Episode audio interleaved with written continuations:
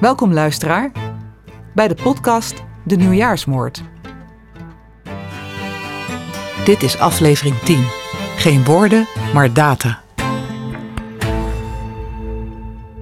Eerder kreeg Bureau Dupin van de politie de telecomgegevens die tijdens het onderzoek naar de dood van Marja Nijholt werden vastgelegd. Uit deze dataset is door de community een aantal scenario's gecreëerd. De resultaten en inzichten die dat heeft opgeleverd worden gedeeld in Dupin-colleges, die via de website toegankelijk zijn. Welkom allemaal bij dit Dupin College, de plek waar we kennis ophalen en delen met de community om het algemene kennisniveau op te krikken. Vandaag is Jil onze gastdocent. Jil, aan jou het woord. Goedenavond allemaal. Jill is een van de personen die onderzoek verricht heeft aan de dataset. In die data zitten twee soorten gegevens: mastdata en historische data. Jill legt uit wat het verschil is.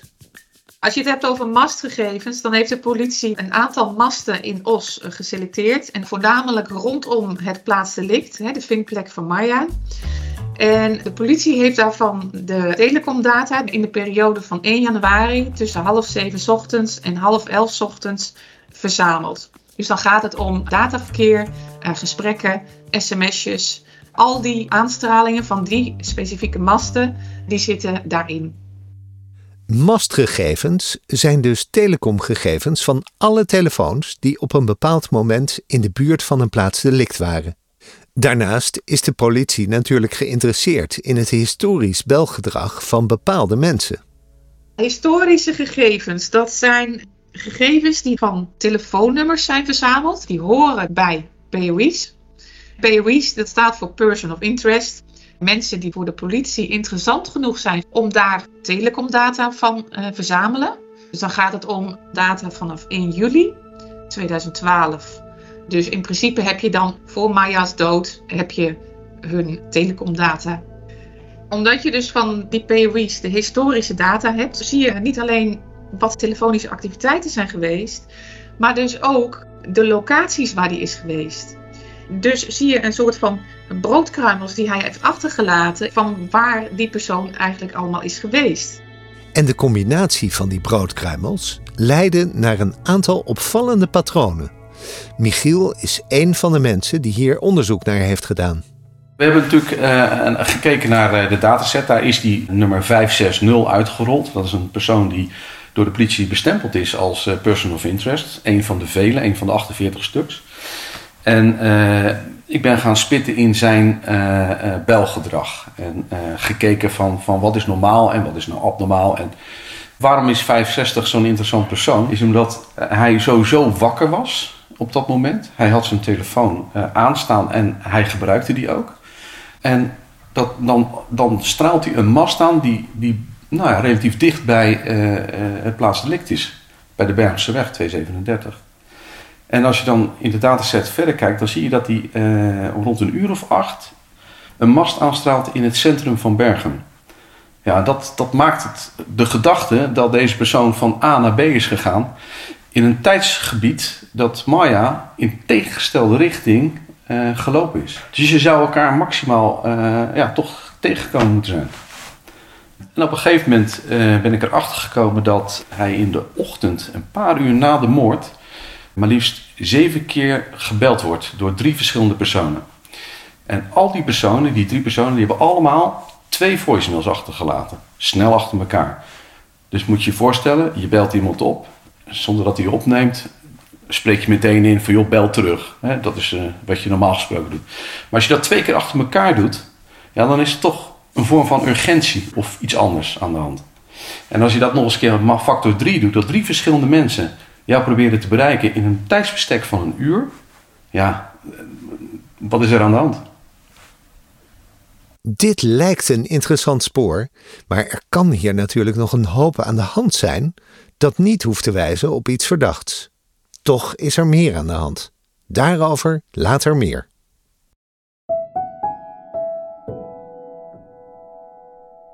In de vorige aflevering hoorden we het vreemde verhaal dat de bewoners van het huis aan de Bergemse weg, waar Marja dood op de oprit gevonden wordt, haar in de laatste avond van haar leven nog gezien zouden hebben in café Het Libre. Deze mensen hebben hun verhaal niet eerder naar buiten gebracht. Misschien willen ze wel praten met Bureau Dupin. Jacqueline gaat op zoek.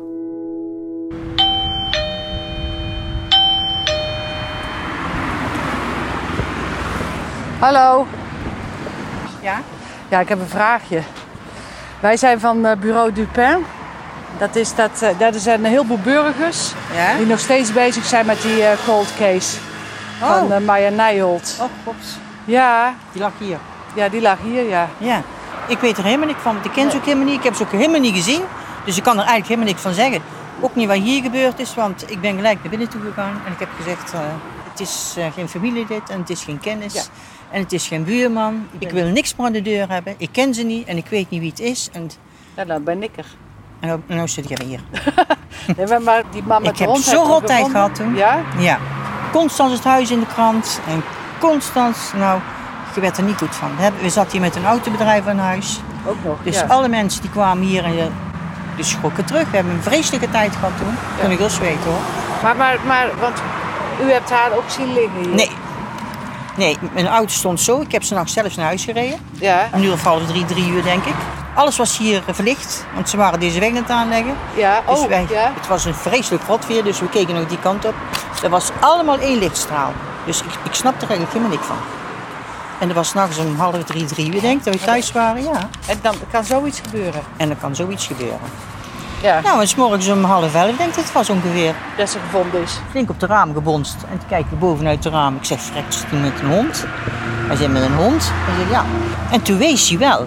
De godverdomme, hij zei, hadden met een auto in elkaar gereden vannacht. Ik Ja. zeg, wel nee joh. Ik zeg, dat, dat is niet gebeurd. Hij zei, ja, wat dan zit? Hij wijst naar me waar. Ik zei, dat weet ik niet. Dus ik loop Maar eruit. Hij loopt... hier in het grind dan. Ja, we hebben naar de rand hek gezet. Dus ze lag eigenlijk Oh. half die kant en half vier. Op la half jullie erf ook. Ja, ja, En dan met die rugzak, maar jullie hebben er niet aangeraakt Nee. zo. Nee, hè? Toen heb ik de politie, hij zei, bel de politie maar op. Zeg hij toen. Dus toen heb ik de politie gebeld en toen zei ze nog tegen mij. Hij zei, draait even om en kijkt of er nog leven in zit. Oh, Ja. de politie daar? Toen hebben ze gezegd, nou, ja. echt waar? Dus ik zeg tegen Henk, je eigenlijk moet even kijken of, dat er nog, eh, of dat er wat er gebeurd is. Godverdomme, je denkt, hij, eraf, in de binnen jij zit en eraf blijven. Hij zei, we blijven er helemaal vanaf. Ja, maar waar is hij op het moment? Hij ze zijn aan het voetballen bij, eh, bij Margriet. Ben ik in ons bekend? Nee. Ja, waar zit je ergens, Henk? Hoe kom je naar huis? Oh, hier is iemand van... eh, Van, eh, oh, wacht even. oh, oh, ben er zo? Nou, wij zijn er nog wel hoor. Doei.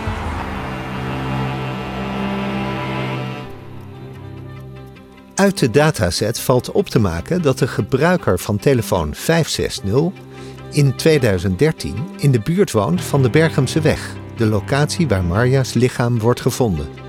Deze persoon valt op door bijzonder telecomgedrag op nieuwjaarsochtend. Maar op basis van de telecomdata kan worden beredeneerd dat 560 niet alleen woonde. Hij woonde samen met de gebruiker van een telefoon met de code 3364. Peter en Michiel van Bureau Dupin praten hierover. Oké, kun je puntje 3 uitleggen? Tuurlijk. Ja, die is wel heel spannend. Ja, want hiermee ga ik iets suggereren wat helemaal niet hoeft te zijn, maar waar ik behoorlijk van overtuigd ben geraakt. Wat ik gedaan heb, is ik heb eh, twee eh, persons of interest, die heb ik eh, compleet doorgelicht. Dat is nummer 560 en nummertje 3364. En die twee, die lijken bij elkaar te wonen in één en dezelfde huis.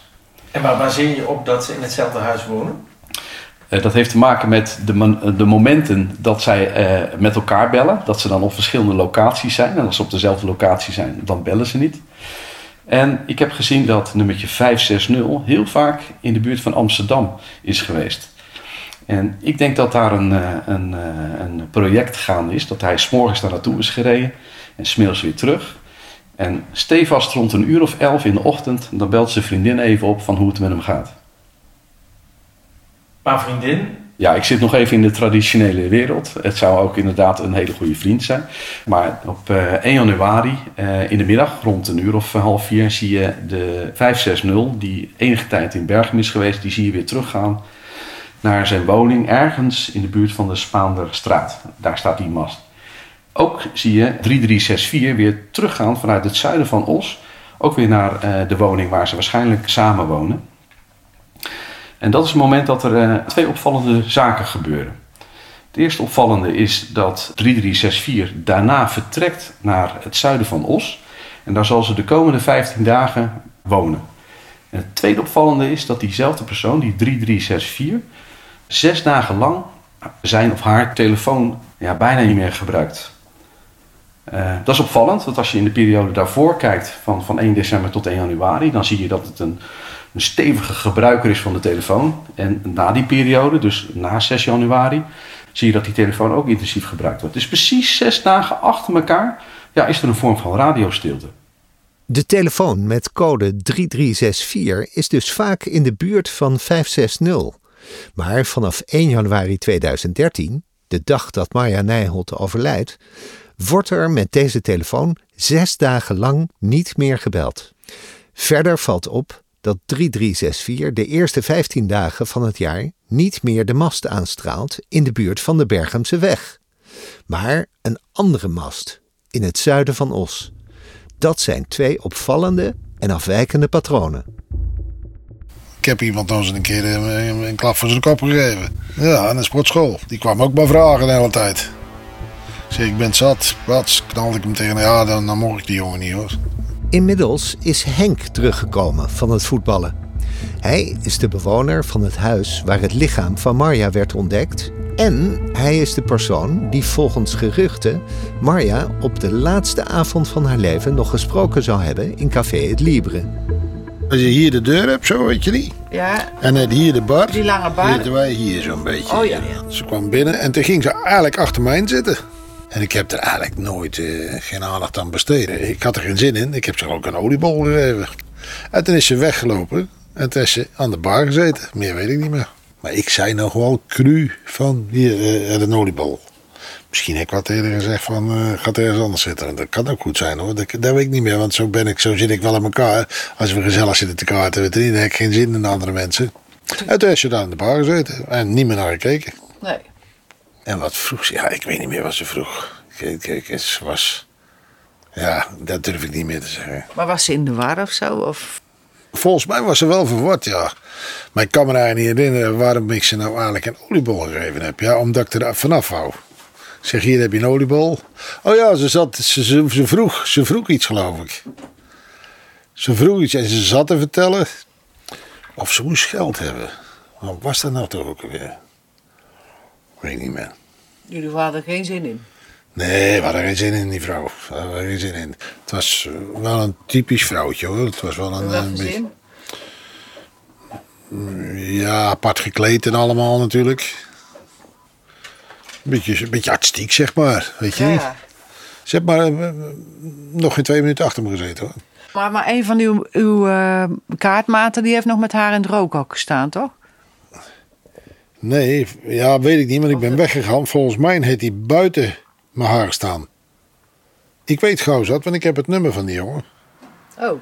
Rob, ga mij niks met telefoon als je wil. Oost, Ja, Willem, met mijn. Luister eens. Ik heb hier een mevrouwtje bij me zitten en die, zitten, die zijn aan het onderzoeken van die Maya die toen doodging een jaar of acht, negen geleden.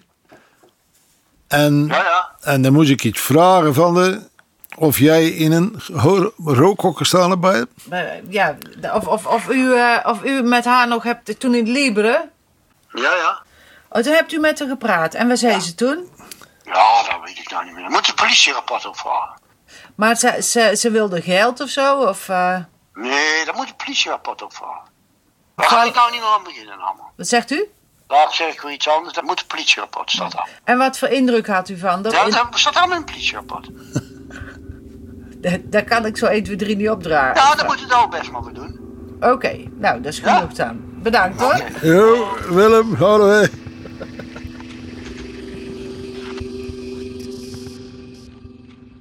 Uit de telecom dataset blijkt dat de gebruiker van telefoonnummer 560 een relatie heeft met de gebruiker van telefoonnummer 3364. Maar er blijken nog meer relaties uit de dataset. Daarvoor moeten we terug in de tijd, naar kerst, een week voor de dood van Marja Nijholt.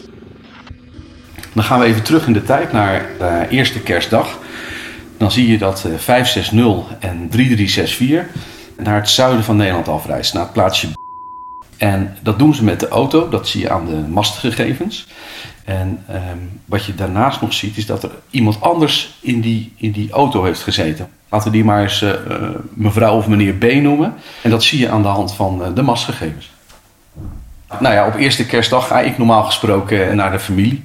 Dus mijn vermoeden is dat 560, 3364 en mevrouw of meneer B, dat dat familieleden van elkaar zijn. De gebruikers van de telefoons 560, 3364 en iemand die we voor het gemak even B noemen, hebben een relatie waarin ze relatief veel met elkaar communiceren en samen op eerste kerstdag naar het zuiden van Nederland reizen. Als we dan weer een stap voorwaarts maken in de tijd, naar nieuwjaarsochtend 2013, dan valt op dat de gebruiker van telefoonnummer 560 actief is rond de locatie en het tijdstip van het overlijden van Marja Nijholt. Daarna verbreekt 560 alle contact. Wat de reden daarvan ook is, het is voorstelbaar dat mensen in de omgeving van 560, zoals 3364 en B, zich zorgen beginnen te maken. Rond half elf in de ochtend van nieuwjaarsdag wordt het lichaam van Marja Nijholt gevonden door iemand die zijn hond uitlaat aan de Bergense weg. Ik kijk dan uit mijn raampje naar beneden en die staat zo te wijzen. Maar die bonste op de ruit of die belde aan of wat? Nee, hij stond te roepen. Waar is hij dan? Hey, hey. En volgens mij had hij iets, iets eenzelfde kleur haar als u zo'n beetje. Licht. Ja. Hij was niet oud. Ik verwacht hem... eh, Ja, dat is moeilijk te zeggen hoor. Want ik heb hem bij heel even gezien. Zo rond de 30. Het was geen kleine jongen. Ik heb hem nooit meer gezien. Heb ik nooit meer gezien. Nooit. Dus toen ging ik verder en toen zag ik die, die vrouw liggen. Dus mijn vrouw kwam ook nog. Ik zeg, ga maar naar binnen. Ik zeg, van, dan leg je hier iemand. Ik zeg, belt de politie maar. Nou, we hebben de politie gebeld. Je, je denkt niet aan eh, dat er iemand daar eh, dood ligt of iets soort. eh, maar er ligt iemand. Ik wist in eerste instantie wist ik niet eens of het een vrouw of een man was. Ze lag op de, op de buik, hè, met een tas die open lag. Dus met papiertjes. Maar ik ben nergens aangekomen natuurlijk, want ja, je, je, je kan natuurlijk... Ik wist ook niet. Ik wist ook niet dat die vrouw was die, eh, die waar ik bij gezeten had. Oh, dat, dat wist je. dat- Nee, toen op dat moment niet. Op dat moment niet. Dat wisten we helemaal niet. Dat hoorden we zelf naderhand pas. Jeetje. Je had wel ge- gelijk een idee dat er iets, eh, dat er iets mis was. De tas lag open. Het is net, als ik daar nou zo een klein beetje herinner, het is net of ze achter de rand gezeten hebben. Dat ze iets van de tas uit willen halen. Zo'n zo'n zo'n idee kregen, weet je. Omdat ze op de grond lag, op de buik. Met een rugzakje, geloof ik. Ja, een rugzak was het. En dat lag open. Er lagen papieren los in. Dus een idee kregen dat ze ze achterna gezeten hebben, weet je niet? Zo'n idee krijg je dan. Maar daar kan ik niet zeggen wat voor idee ik kreeg, want ik heb de politie gebeld en eh, meer niet. Wat viel u nou vooral op? Ik heb geen bloed gezien. Helemaal niks van gezien. Ik heb ze alleen zien leggen. Want ik hoorde naderhand van jullie, geloof ik, van de politie heb ik het niet gehoord, dat ze dus neergestoken is. Daar stond ik van te kijken. Daar heb ik niks van gezien, helemaal niks.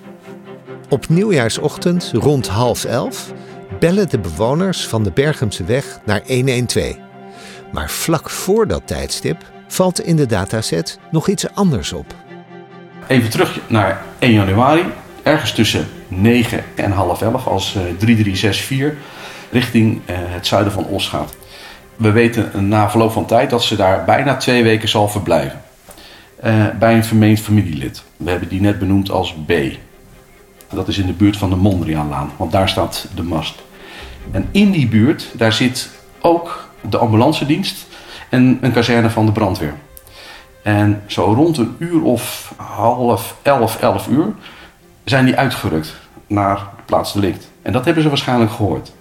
En als je dan de combinatie neemt tussen dat wat 3364 weet en wat ze horen in de buitenwereld, ja, is iemand aangeslagen. En dat is die familielid B.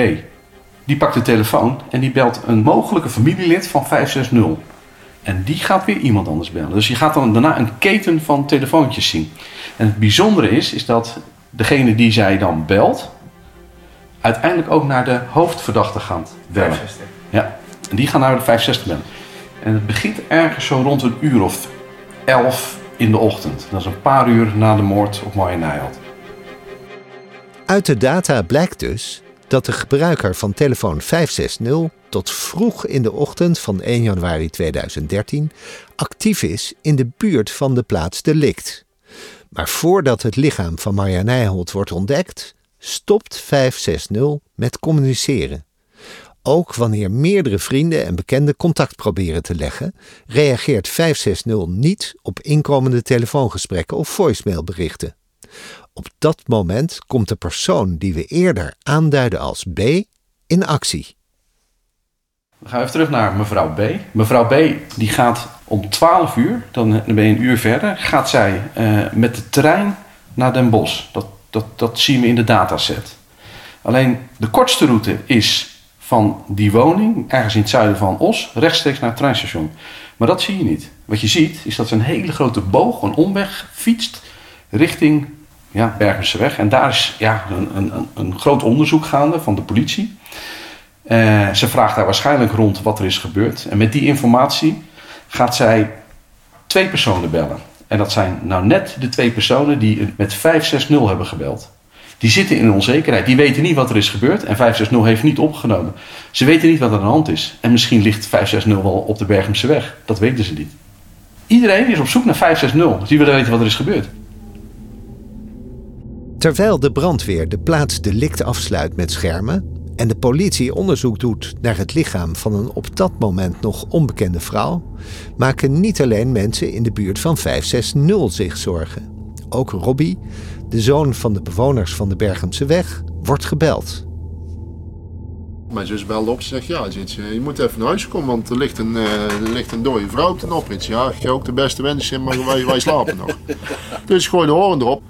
Belt ze weer terug, ja Robbie, ik mag geen geintje. Ik zei tegen ons vrouw, want die was hoogzwanger toen. Ik zei, nou, ik denk dat Tom rechts gaan kijken. Ik zei, want er, moet, er ligt toch iemand op de oprit.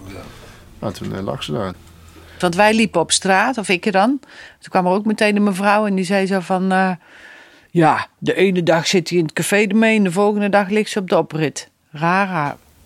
Het is raar. Maar het is toevallig. Het is toevallig. Het is ook toevallig, hè? Het is ook heel vreemd. Dat ze bij ons gezeten heeft en na dan legt ze het ook bij mij op de stoep. Hè? Het is net of ze zeggen van, eh, we zullen die Henkes hebben. Oh, wat bedoel je?